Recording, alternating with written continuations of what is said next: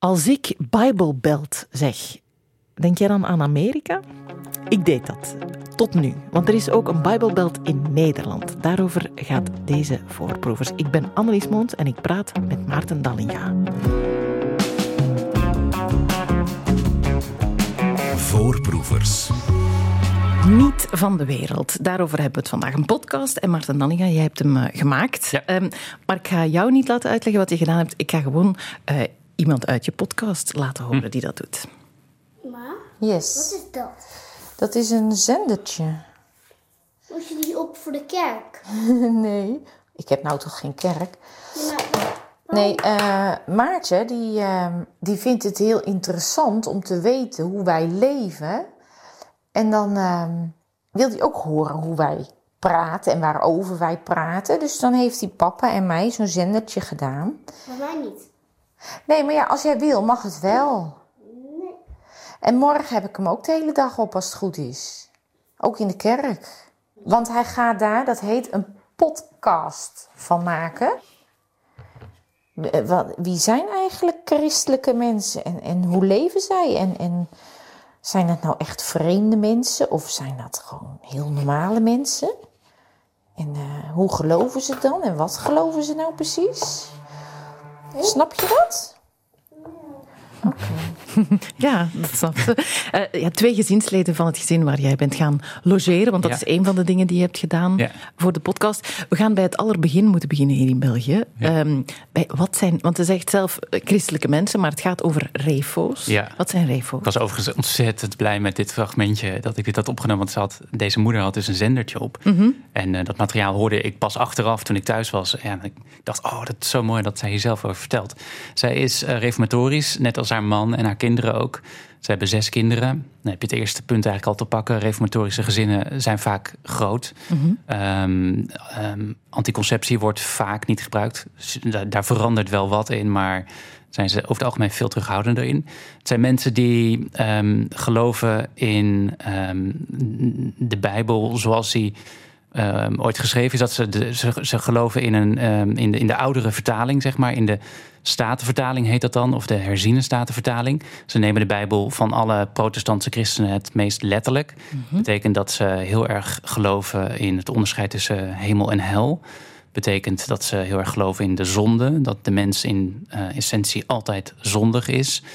Uh, en dat het maar de vraag is of jij, uh, en ook of ja, je ouders of je broertje of zusje, of die in de hemel komen. Um, daarvoor is het nodig dat je beleidt. Dus dat je, dat je je verdiept in het geloof en dat je bekeerd raakt vervolgens ook. Dat betekent dat je het geloof um, ja, tot in je hart laat komen, zeggen ze wel eens. Dus dat je er heel erg um, ja, op gevoelsniveau van overtuigd bent dat uh, er een God is, dat, dat de God is uit de Bijbel, die bij jou in de kerk wordt gelezen.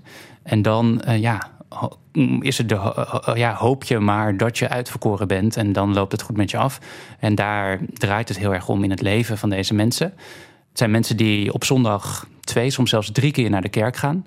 Ze gaan naar een bepaald soort kerken uh, waar de dominee of predikant um, relatief streng preekt. Die heeft het ook heel veel over de zonde en de zondeval.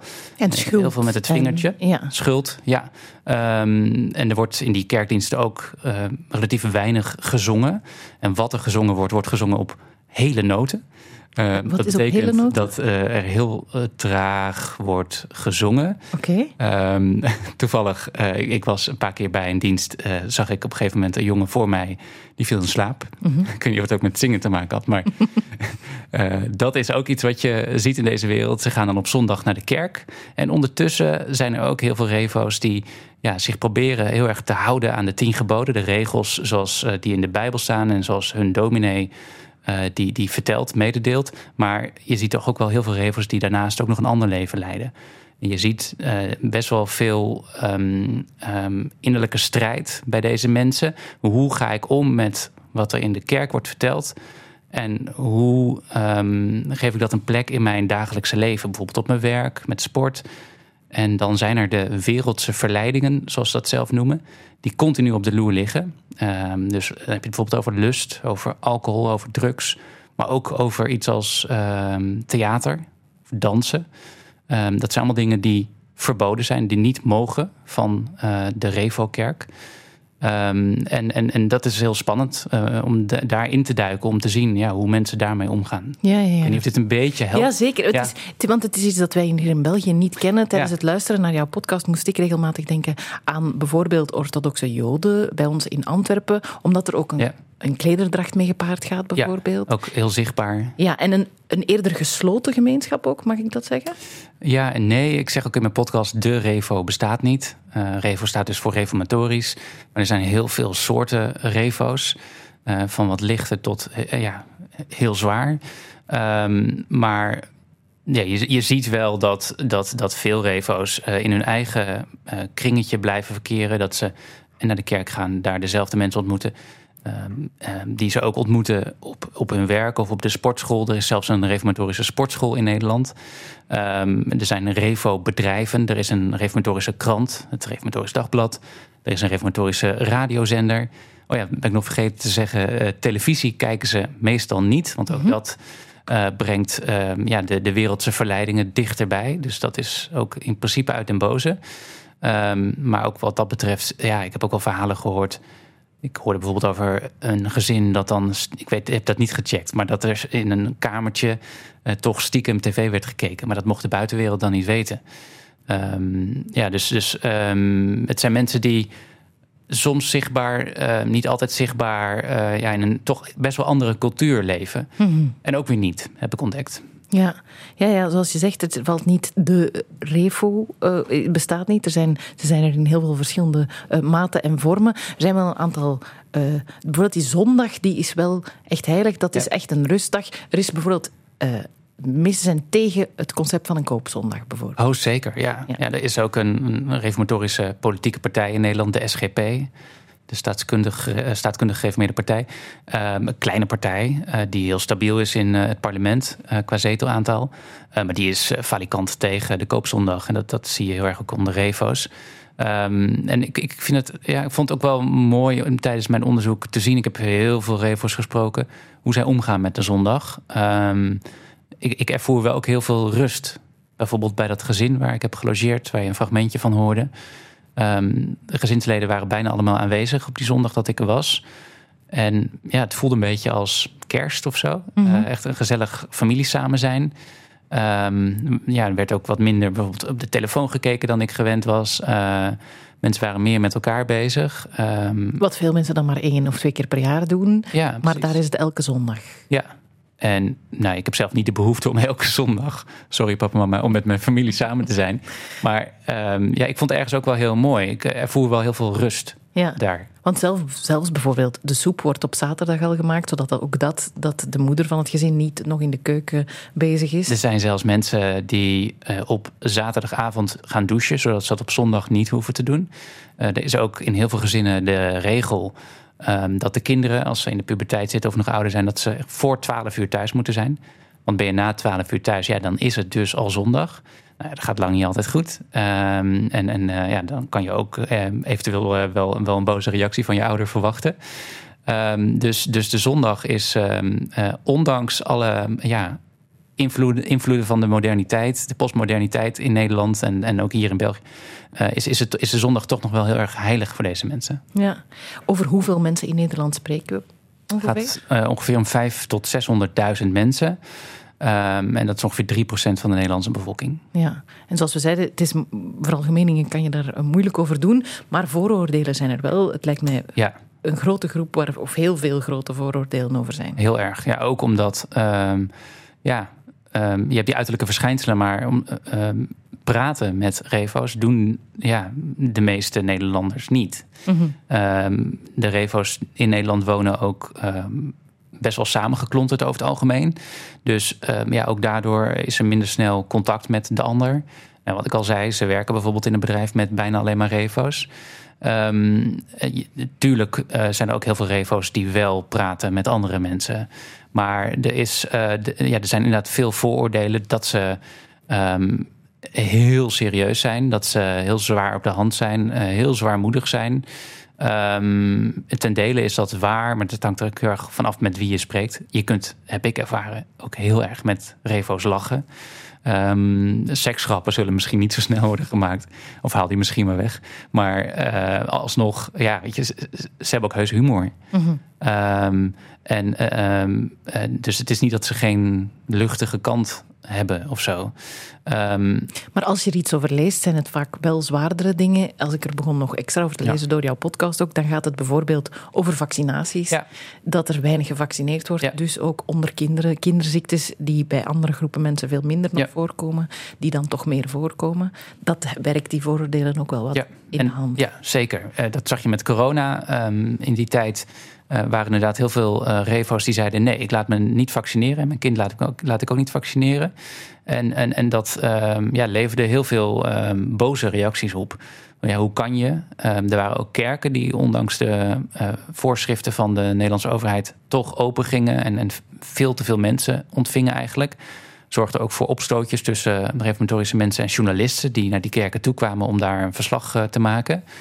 Dus uh, ook in de coronacrisis zag je uh, heel veel uh, weerstand. Mm -hmm. um, en dat is ook weer niet iets nieuws. Revo's bestaan al heel lang in Nederland. En um, ook bijvoorbeeld in de tijd van polio, dat dat um, zich verspreidde door het land, waren er ook heel veel revo's die zeiden: ja, ik laat me niet vaccineren. en mijn kind ook niet. En ook toen ja, leverde dat heel veel boze reacties op. En werd er ook, ik heb daar nog een foto van gezien, ook bijvoorbeeld gedemonstreerd bij kerken. Um, door mensen die dachten, die ze, zeiden van ja, dat, hoe kan je? Mm -hmm. ja. ja, dat kwam dus ook aan bod. Als jij bij dat gezin logeerde, dan ging het op een bepaald moment ook over corona en dan gebeurde er dit. Toen was ik mijn geur en mijn smaak op een gegeven moment kwijt. En later hoorden we pas van dat hoort erbij. Oh ja. Dat was in het begin nog helemaal niet... Uh... En jullie hebben je niet laten vaccineren, denk ik, hè? Jawel. Ja. Oh wel? Ja. Wat een vooroordeel. Je? Wat een vooroordeel van mij. Kijk. Ja, we hebben wel gevaccineerd. We hebben sowieso de kinderen ook gevaccineerd tegen de kinderziekte. Maar zijn jullie dan in de minderheid in jullie kerkelijke gemeente of niet? Nee, de meerderheid. Meerderheid? Ja. Qua, qua gewone vaccinaties? Of bedoel je de coronavaccinatie? Oh ja, qua gewone vaccinaties denk ik dat de meerderheid inmiddels vaccineert. Qua Bij ons corona is misschien de minderheid. Ja, dat denk dat is ik. meer dan, niet zozeer dan daarom van principieel van godsvoorzienigheid of zo, maar meer van... Uh, weet je, dat gevoel van uh, de overheid en wat doen ze Mm, allemaal. wantrouwen. Wantrouwen, Ja. Overheid. En de druk erop. Ja, toont hè, dat je niet mag veralgemenen. Maar wel moeilijk. Want Ik had het hier even mis. Ja, maar, maar ik snap het wel. Het En ik laat het heel bewust horen, omdat ja, dat gebeurt. Dus Mhm. eh, ja. En ehm, ja, het is denk ik goed om dat eh, ook gewoon met elkaar te bespreken dat dat gebeurt en wat dat, ja, wat het betekent. Mhm. Ik hoop dat de luisteraar daar dan over na gaat denken. Van ja, wat betekent het wanneer je vooroordelen hebt die misschien helemaal niet kloppen. Uh, dus dit, wa- dit was voor mij, toen ik het terug hoorde, ja, ik vond het een beetje confronterend wel. eh, maar ook wel weer een, eh, ja, een les of zo. Zonder Mhm. heel streng voor mezelf te zijn. Maar Ja, want ik laat nu dit horen, maar over het algemeen in de hele podcast ben jij heel open en kritisch voor even goed voor jezelf als voor, voor andere mensen. En, Ja, maar je toont wel dat zelfs al ben je zo bezig ermee en ben je zo je aan het verdiepen in iets, dat er toch die vooroordelen zijn er. ja. Omdat we elkaar niet goed kennen. Ja, en dat denk ik zeker. eh, omdat je opgroeit ja, met in, een bepaalde, in een bepaalde cultuur... waarin je van het een meer meekrijgt dan van het ander. Dus je, je wordt gevormd. Ehm, niemand groeit neutraal op natuurlijk. Net zo goed eh, hebben de revo's vooroordelen over niet-revo's. Ehm, en ehm, ik merkte ook wel... Ik, ik, ik hoorde ook eh, van heel veel revo's na afloop dat ze het fijn vonden om deze podcast te horen, omdat ze het ook uh, uh, zagen als een spiegel die ze werd, werd voorgehouden. Um, want best wat revo's zijn toch geneigd om uh, ja, niet al te veel het contact te zoeken met de ander. Um, en ze hebben door de gesprekken die ik heb gehad met allerlei revo's, ja, wel ook gemerkt, of daarvan zijn ze meer overtuigd geraakt dat het heel zinvol kan zijn om wel met de ander te praten. Dat je gewoon een heel normaal gesprek kan hebben zonder dat je uh, meteen uh, heel erg wordt verleid, zeg maar, om in hun woorden te praten, om het verkeerde te doen. Um, ja, en, en, een gesprek is gewoon heel goed mogelijk, ook als je het niet met elkaar eens bent. En uh, als je, ook als je uit een andere wereld komt. En dat heb ik ook een beetje willen laten zien met, met dit project. Dat het, gaat nu dan over revo's en niet revo's, maar ja, je kan het net zo goed uh, koppelen aan allerlei andere groepen. ik denk dat het heel goed is als we meer het gesprek met elkaar gaan voeren. En daarvoor is het super belangrijk om in ieder geval zoveel mogelijk in eerste instantie heel, veel te, ja, heel goed te luisteren naar de ander. Mhm. Ehm, dat heb ik in ieder geval geprobeerd. Ja, ja zeker. En slaag ik soms beter in dan. Ja. en, maar er, er is ook een, een, eh, een, plaat, een nummer eh, dat er heel goed uh, bij past. Dat we gaan laten horen. Uh, van band met een hele goede naam op zich al. bovenste knopje open. Heel Sensuele naam Ja, ja eigenlijk wel. Voor dit soort podcasts misschien. Hmm, ik weet niet wat Revers ervan vinden.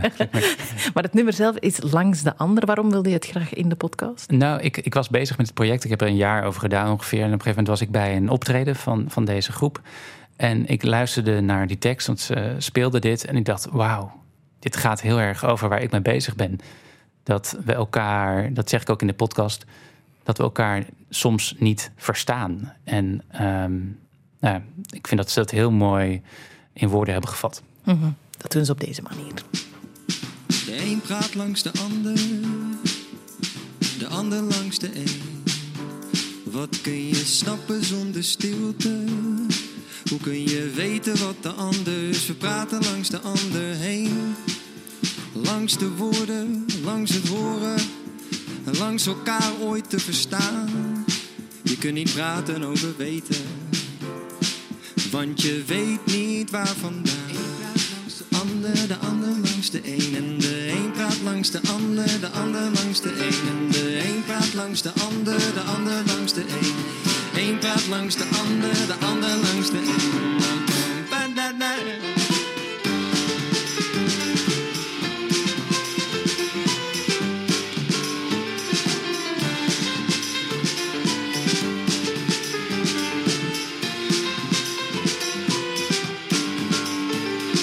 Hoe kunnen we nog praten als reeds het oordeel is geveld?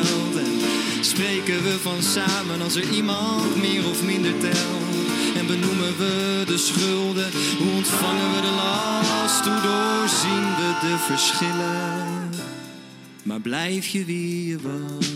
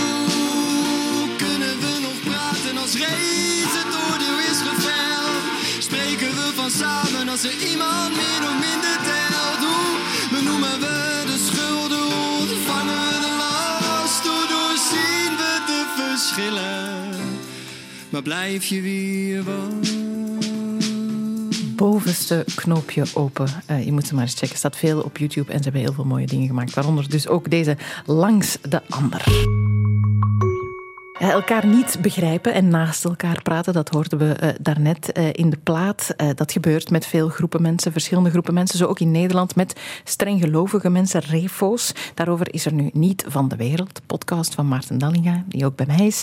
Maarten, daarnet hadden we het erover um, ja, dat die algemene termen praten over iedereen, dat dat heel moeilijk is. Wat mhm. wel een aantal keer terugkomt, is dat veel mensen een moment hebben ja. waarbij ja, hoe noemen ze het zelf? Waar ze in het geloof, dichter bij het geloof komen. Ja, getuigenis zeggen ze dan soms, ja. Ja, bijvoorbeeld uh, deze man. Ik was aan het hardlopen, uh, best wel ver van huis. En het begint in één keer keihard te hagelen. Dus ik ben gaan bidden en gaan bidden of het alsjeblieft op mocht houden met hagelen. Want het was ook, nou ja, het vroor in ieder geval. Ik had korte broek aan, dus ik had het ontzettend koud. Dus ik ben gewoon gaan bidden. En ik kreeg in één keer zo'n warmte van binnen. En het stopte met hagelen en er kwam een licht uit de hemel. En nou, ik heb nog nooit zoiets meegemaakt. Dat was echt, dat was denk ik ook het punt van bekering. Dat ik dacht van, hoe kunnen we er nog omheen dat God wel of niet bestaat? Tja. Dit, dit moet het dan zijn. Ja, tot, tot zijn laatste zin denk ik. Jij gaat zeggen, dit is het weer. En het weer, het weer. Dat denk ik. Als het, als het hagelt en dan stopt het met hagelen, dan denk ik, dit is het weer. het is het punt. Ja, verder dan dat denk ik niet, daar niet over na. Maar nee. zijn ervaring is zo anders. Ja, zij zouden kunnen zeggen nu tegen jou, oh, wat gunnen we jou, uh, God. Ja. ja, ja. want dat, dat komt ook veel dat, terug. Hè? Ja, ja, ja. Ze gunnen jou die, die dichtbijheid, Ja. die nabijheid van de heren, eh, zoals zij Ja, dat je op een andere manier gaat kijken. Ja. Dat je hem voelt. Ja, er is ook heel veel voor mij gebeden. Mm. Vond ik eerst heel raar, maar ja, het wende ook wel. En op een gegeven moment vond ik het eh, eigenlijk ook wel heel mooi. Heel liefdevol. Ja, eh, ik herken wel wat je zegt. Ik heb, toen ik 18 was, heb ik een tijdje in Oklahoma gezeten. Ook Mhm. een, eh, in, tussen heel veel heel gelovige mensen. ehm, waar ik nu ook nog wel contact mee heb. En wanneer ik zwanger was bijvoorbeeld, ik was maar bezig over zo, zo zot dat mijn lichaam dit doet. En dat de biologie en dat... En dan zeiden ze elke keer, ja, nee, dat is voor mij dan het bewijs. Dat Mhm. is een mirakel, dat dat kan. En dat, ook dat, dat bidden voor mij, ik vond dat ook heel gek. Maar als je mee... Is dat dan het begrijpen van hun beweegredenen dat dan helpt om het als iets mooi te zien? Ja, en eh, ja, nou, je, hebt, je hebt natuurlijk heel veel soorten christenen. Dus het is, het is voor mij dan nog geen ja, antwoord op de vraag eigenlijk... waarom ze nou juist dit geloof Hmm. aanhangen. Maar geloof in het algemeen. Maar geloof in het algemeen meer. Ja, daar is het meer voor mij dan een verklaring voor. En dat ze nou juist de revo zijn, heeft ja, denk ik heel erg te maken met eh, uit welk net, nest ze komen, wat ze, met wie ze in aanraking zijn gekomen. In zekere zin, dat zullen ze zelf niet zo zeggen, maar zo kijk ik ernaar, is het ook misschien een beetje toeval. Mhm. Ehm, net als dat ik ehm, uit een eh, minder christelijk eh, nestgezin kom. Ehm, ja, en in België ehm, kwam de revo-wereld nooit echt van de grond. Ehm eh, gereformeerde kerken, ik heb een beetje me inge- ingelezen, want voor mij was het een hele onbekende wereld. De eh, gereformeerde kerken, de eh, strengere kerken, hebben ongeveer 85 jaar bestaan hier in België. En, en ehm, eh, eerst toen ze werden gesticht, waren het echt heel erg immigrantenkerken, kerken voor de Nederlanders die eh, hier in België woonden, in Antwerpen of Brussel bijvoorbeeld. Gaandeweg kwamen er wel meer Belgen ook naartoe. Ehm, en, en dat het nooit echt van de grond is gekomen, ehm, heeft heel erg te maken met de dominantie van het katholicisme hier in België. Ja, en daarvoor moet je terug naar de tijd van de Spaanse overheersing. Ja. Ehm, in het noordelijke deel was de Spaanse overheersing minder aanwezig en kon de, eh, hield de reformatie meer stand. Dus dat is wel heel erg interessant. Dus het had ook, ja, Ook daar is ook toeval. heel anders kunnen Ja. lopen. Misschien, nou ja, goed. Revo's zullen zeggen, toeval bestaat niet. Heb ik zo vaak te horen gekregen. Ehm, ja, dus maar... En ergens vind ik dat dan ook heel mooi als iemand dat zegt van... het, het, het is voorbestemd, het moet zo zijn. Hè, dat jij nu bijvoorbeeld dan zwanger bent. Ehm, maar ik vind het ook tegelijkertijd heel moeilijk om aan te nemen. Vond ik vroeger makkelijker. Ik, ik, ik noem mezelf niet langer christen. Ik heb mezelf wel heel lang zo genoemd. Ehm, maar ja, ik ga, dan, ik ga nu toch in deze fase van mijn leven, ehm, merk ik, heel snel heel erg rationaliseren. En denken van ja, maar waar is het bewijs? Mhm. Ehm, en dat gaat ja, heel erg over voelen. Eh, en ja, dit is geen wetenschap uiteindelijk. Maar, Nee, want dat is, de vergelijking met wetenschap valt ook in de podcast. En dat is wel verrassend. Zij zien, wetenschap is net waar de twijfel is. hmm, En het geloof is net waar je zeker over bent. ja, al is die zekerheid er ook niet altijd eh, bij de gelovigen, zelfs niet bij de dominees. Maar ehm, ja, weet je, ik, ik denk ook wel eens, um, dat heb ik nooit echt bevestigd gekregen, maar zodra je gaat, zodra je toestaat dat je zou kunnen gaan twijfelen, dan is misschien het hek van de dam. Ik weet niet of jullie dat ook zo zeggen, maar dan, mhm.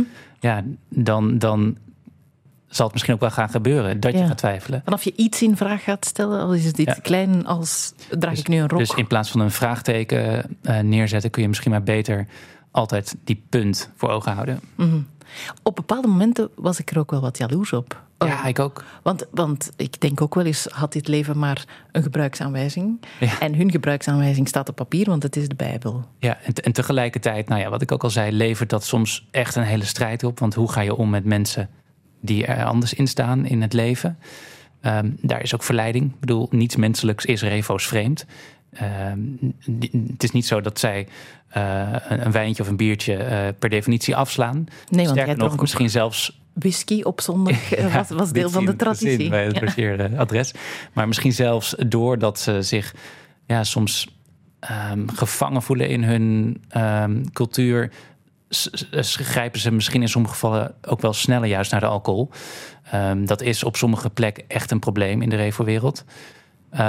maar dat jaloers maken, ja, dat, dat herken ik wel. Ja. En Um, ik, ik ben wel door het maken van deze podcast wel weer iets meer me gaan openstellen voor het geloof. Als in dat ik ja, er weer iets meer voor opensta dat ik zou kunnen gaan geloven. Het klinkt misschien een beetje vaag, maar uh, het is voor mij niet meer. De deur is niet potdicht, zeg maar. Dus um, ja, ik, ik, ik um, laat me verrassen. Hmm. Ja, en het is. Um, het is ook, het geloof is hier is een antwoord op vragen die we allemaal hebben. De, de man waar je, waar je uh, Ruud, waar je logeert. Ja, de vader van het gezin. Ja. Vader van het gezin. Um, die, die zegt dat op een, een heel mooie uh, manier op een bepaald moment. Denk ik echt waar is. God is, God is een vader. Ja. ja. Dat raakt me wel altijd. ja. En dat gun ik jou ook. En dat gun ik ja, mijn kinderen. En, uh,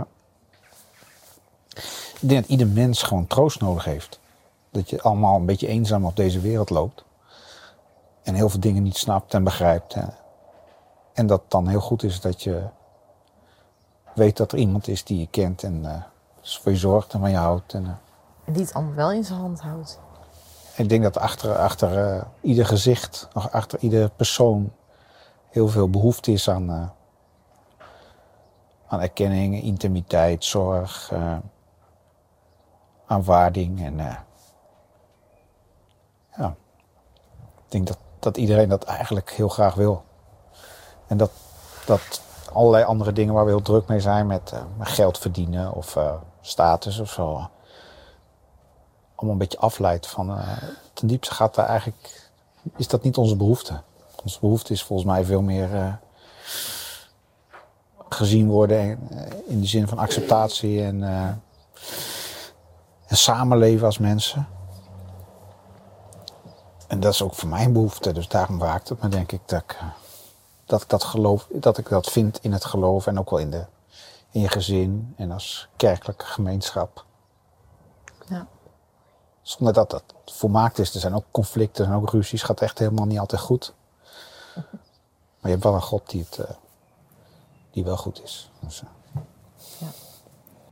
Ja, dit raakt wel heel erg Mooi, hè? aan ons allemaal, denk ik.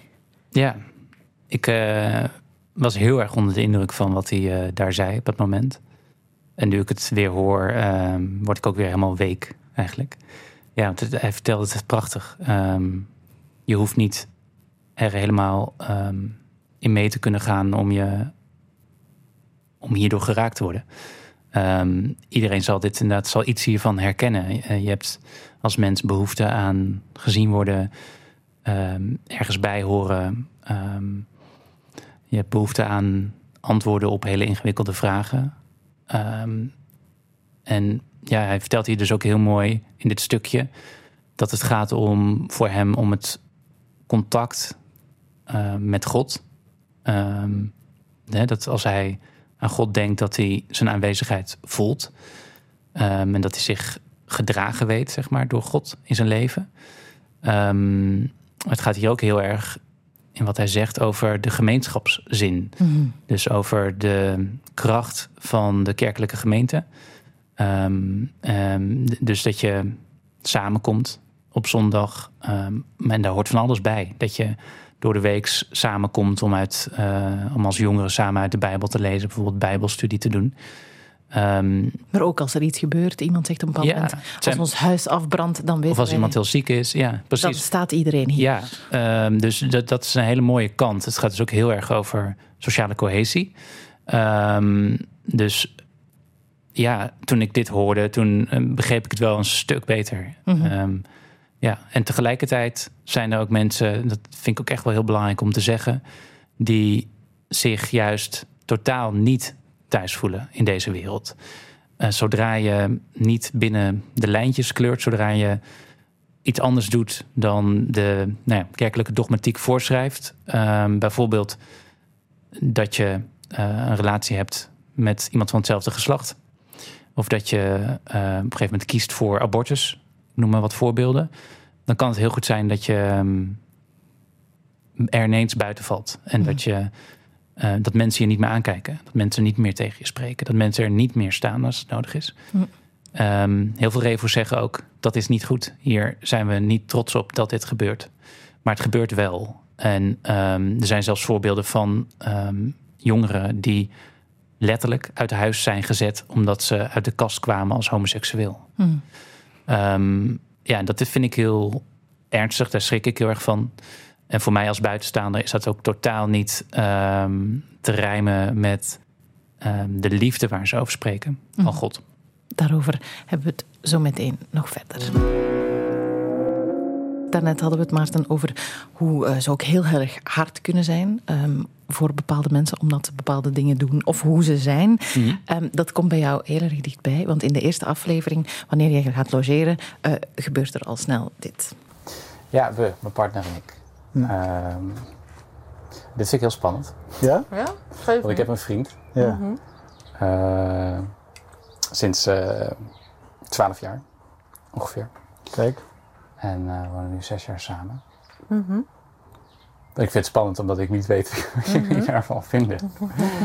en eh, ja, ik wil niet. We schieten Kijk, ik wil zoveel mogelijk. Je schiet helemaal niet af. Ik wil zoveel mogelijk gewoon het leven meemaken nu in het weekend. En niet, Ja. Ik wil niet dat dit als een soort van donderwolk Nee. eh, boven gaat hangen. Bij ons niet. Nee. Nee. Ik, ik dacht misschien komt dit ergens gedurende het weekend op zondag of zo. Kijk, Ter hoppa, sprake en meteen, meteen. de eerste middag. Boom. Maar hadden jullie dit bedacht? Wat we Hadden, hadden jullie het bedacht om meteen Nee, Nee. naar te vragen? wij hebben niks bedacht. Niks bedacht. Het onderwerp zal dit weekend nog wel een paar keer terugkomen. En ondanks de op zich prima reactie van Lianne en Ruud, voelt het als een wat beroerde start van het weekend. Ja, en een heftige start lijkt me ook. Ja, ja en ik, ik had dus heel erg eh, mezelf eh, ten doel gesteld om ja, zoveel mogelijk een vlieg op de muur te zijn en rond te kijken, mee te luisteren, op te schrijven wat ik zou zien. Ehm, ja, Om er niet met jezelf tussen te zitten. nee, om, om zoveel mogelijk gewoon te aanschouwen. En ehm, omdat ik ja, heel erg, het heel erg belangrijk vond om, om ehm, ja, een zo mm, authentiek mogelijk portret van deze wereld te schetsen. En eh, en daarom wilde ik niet al te veel over mezelf eh, vertellen. eh, niet te veel van mezelf laten zien. Maar goed, dit kwam in, ja, na tien minuten of zo dat ik daar aankwam, kwam dit al te sprake. Mhm. Ja, en was oké uiteindelijk. Want ze reageerden hartstikke goed eigenlijk. Ehm, maar ik wel- vond het toch ook wel... Ja, ik dacht wel, joh, oeh, als het niet toch maar... ook al zeggen ze dat het niet zo zal zijn... eh, ja, invloed gaat hebben op, ja, op de rest van het weekend. Ja, ja, snap ik. Want het lijkt me heel moeilijk, omdat je weet, ze keuren dat af. Ja, Om- nou ja, ze- ja, om het heel precies te zeggen... ze keuren homoseksualiteit niet af. Wat ze afkeuren is eh, praktiserende homoseksualiteit. Dus dat je er echt iets mee doet. Ja. Ja. en ze nuanceren ook naar, eh, het is dan niet dat ze dat jou kwalijk nemen, of Mm, ze nemen het niet de persoon kwalijk, maar wel wat die doet, vinden ze niet de goed. daad, ja. Ja, maar Ja. de persoon zelf, Nee, precies, ja. Ehm, ja, maar dat ja, betekent dus niet... hè, dit is niet per se helemaal representatief. Want er zijn dus ook revo's die... ehm, ja, die, het je, die, die er veel minder makkelijk mee om kunnen gaan... wanneer je zegt dat je homo bent. Ehm, en, en, en ja, ik ben natuurlijk een buitenstaander. Hè. We hebben het ook gehad over wat nou als een van jullie kinderen... ze hebben zes kinderen... thuis komt met het verhaal: ja, pap, mam, ehm, ik ben homoseksueel, uh, lesbisch, biseksueel. Ehm, transgender, ook zoiets. Mhm. Wordt ook afgekeurd. Ja, want er zijn Ehm, wel heel veel zulke dingen die meer en meer aanvaard zijn in de algemene Zeker, eh, bevolking. Ja, net zei je ook abortus. eh, samen, want even erg vindt de vader samenwonen voor het huwelijk. Of Ja. los van een Mhm. huwelijk. Er zijn heel veel nieuwe invloeden. Hoe zie jij dat evolueren? Zijn er steeds minder eh, refo's, net door die... De ledenaantallen van de meest strenge kerken in de Revo-zeil eh, blijven eh, aardig stabiel. Eh, maar de wat lichtere Revo-kerken, daar zie je wel dat het ledental aan het afnemen is door de jaren heen. Ehm, ja, je ziet dat de buitenwereld steeds meer binnenkomt, ook via de smartphone natuurlijk. Of natuurlijk, heel veel revo's hebben ook een smartphone. Hebben dan misschien geen televisie, maar wel een smartphone. Dus de grenzen zijn een beetje aan het vervagen van wat je wel en niet binnenhaalt eh, van de wereld. Ehm, en, en, en doordat die smartphone naar binnen, naar binnen wordt gehaald, eh, doordat ja, toch steeds meer mensen eh, bijvoorbeeld ook op werk in aanraking komen met niet-revo's. Um, heeft ook met de globalisering te maken. Mensen trekken erop uit. Um, zie je wel dat de wereldse verleidingen, zoals we dat zelf dan noemen, steeds um, uh, sneller bij je komen, bij zich komen. En dat, ja, dat, dat is wel, denk ik, kan je zien als een bedreiging voor deze gemeenschap. Mhm. Ja, dus of de Revozel over 50 of 100 jaar nog zal bestaan. Met een eigen krant, eigen radiozender. Um, samen, met mensen samengeklonterd uh, op uh, verschillende plekken in het land. Um, ik durf het niet met zekerheid te zeggen. Nee. Um, meer antwoorden in jouw podcast. Ik ging zeggen, ja, meer podcasts kunnen ze ook luisteren met die smartphones naar jouw podcast, naar anderen. Ik wou eigenlijk vooral zeggen dat als het nog niet heel duidelijk was, dat, het, dat ik hem heel erg wil aanraden. Ik heb er heel veel van geleerd en mijn blik Dankjewel. is weer een stuk meer open. Niet van de wereld. Um, de, op alle podcastplatformen. Ja, zeker. Ik heb hem trouwens gemaakt voor Omroep Gelderland, een regionale omroep. Um, en de muziek die je hoort is uh, van Guido Keizer. Heeft hij speciaal gemaakt voor deze podcast. Was ik ook heel blij mee. En is ook heel, heel mooi. Uh, ik ga het nog eens zeggen. Niet van de wereld kan je daar vinden. Uh, podcast die je daar ook al kan vinden is Waar is zuster Gabriel? Um, van Filip Heijmans, onze collega. Daarover gaat het nu zaterdag hier in Voorproevers bij Annemie Peters. Maar vandaag hadden we het over Niet van de wereld van Maarten Dallinga. Maarten Dallinga, dank je wel uh, om hier te zijn en voor je podcast Niet van de wereld.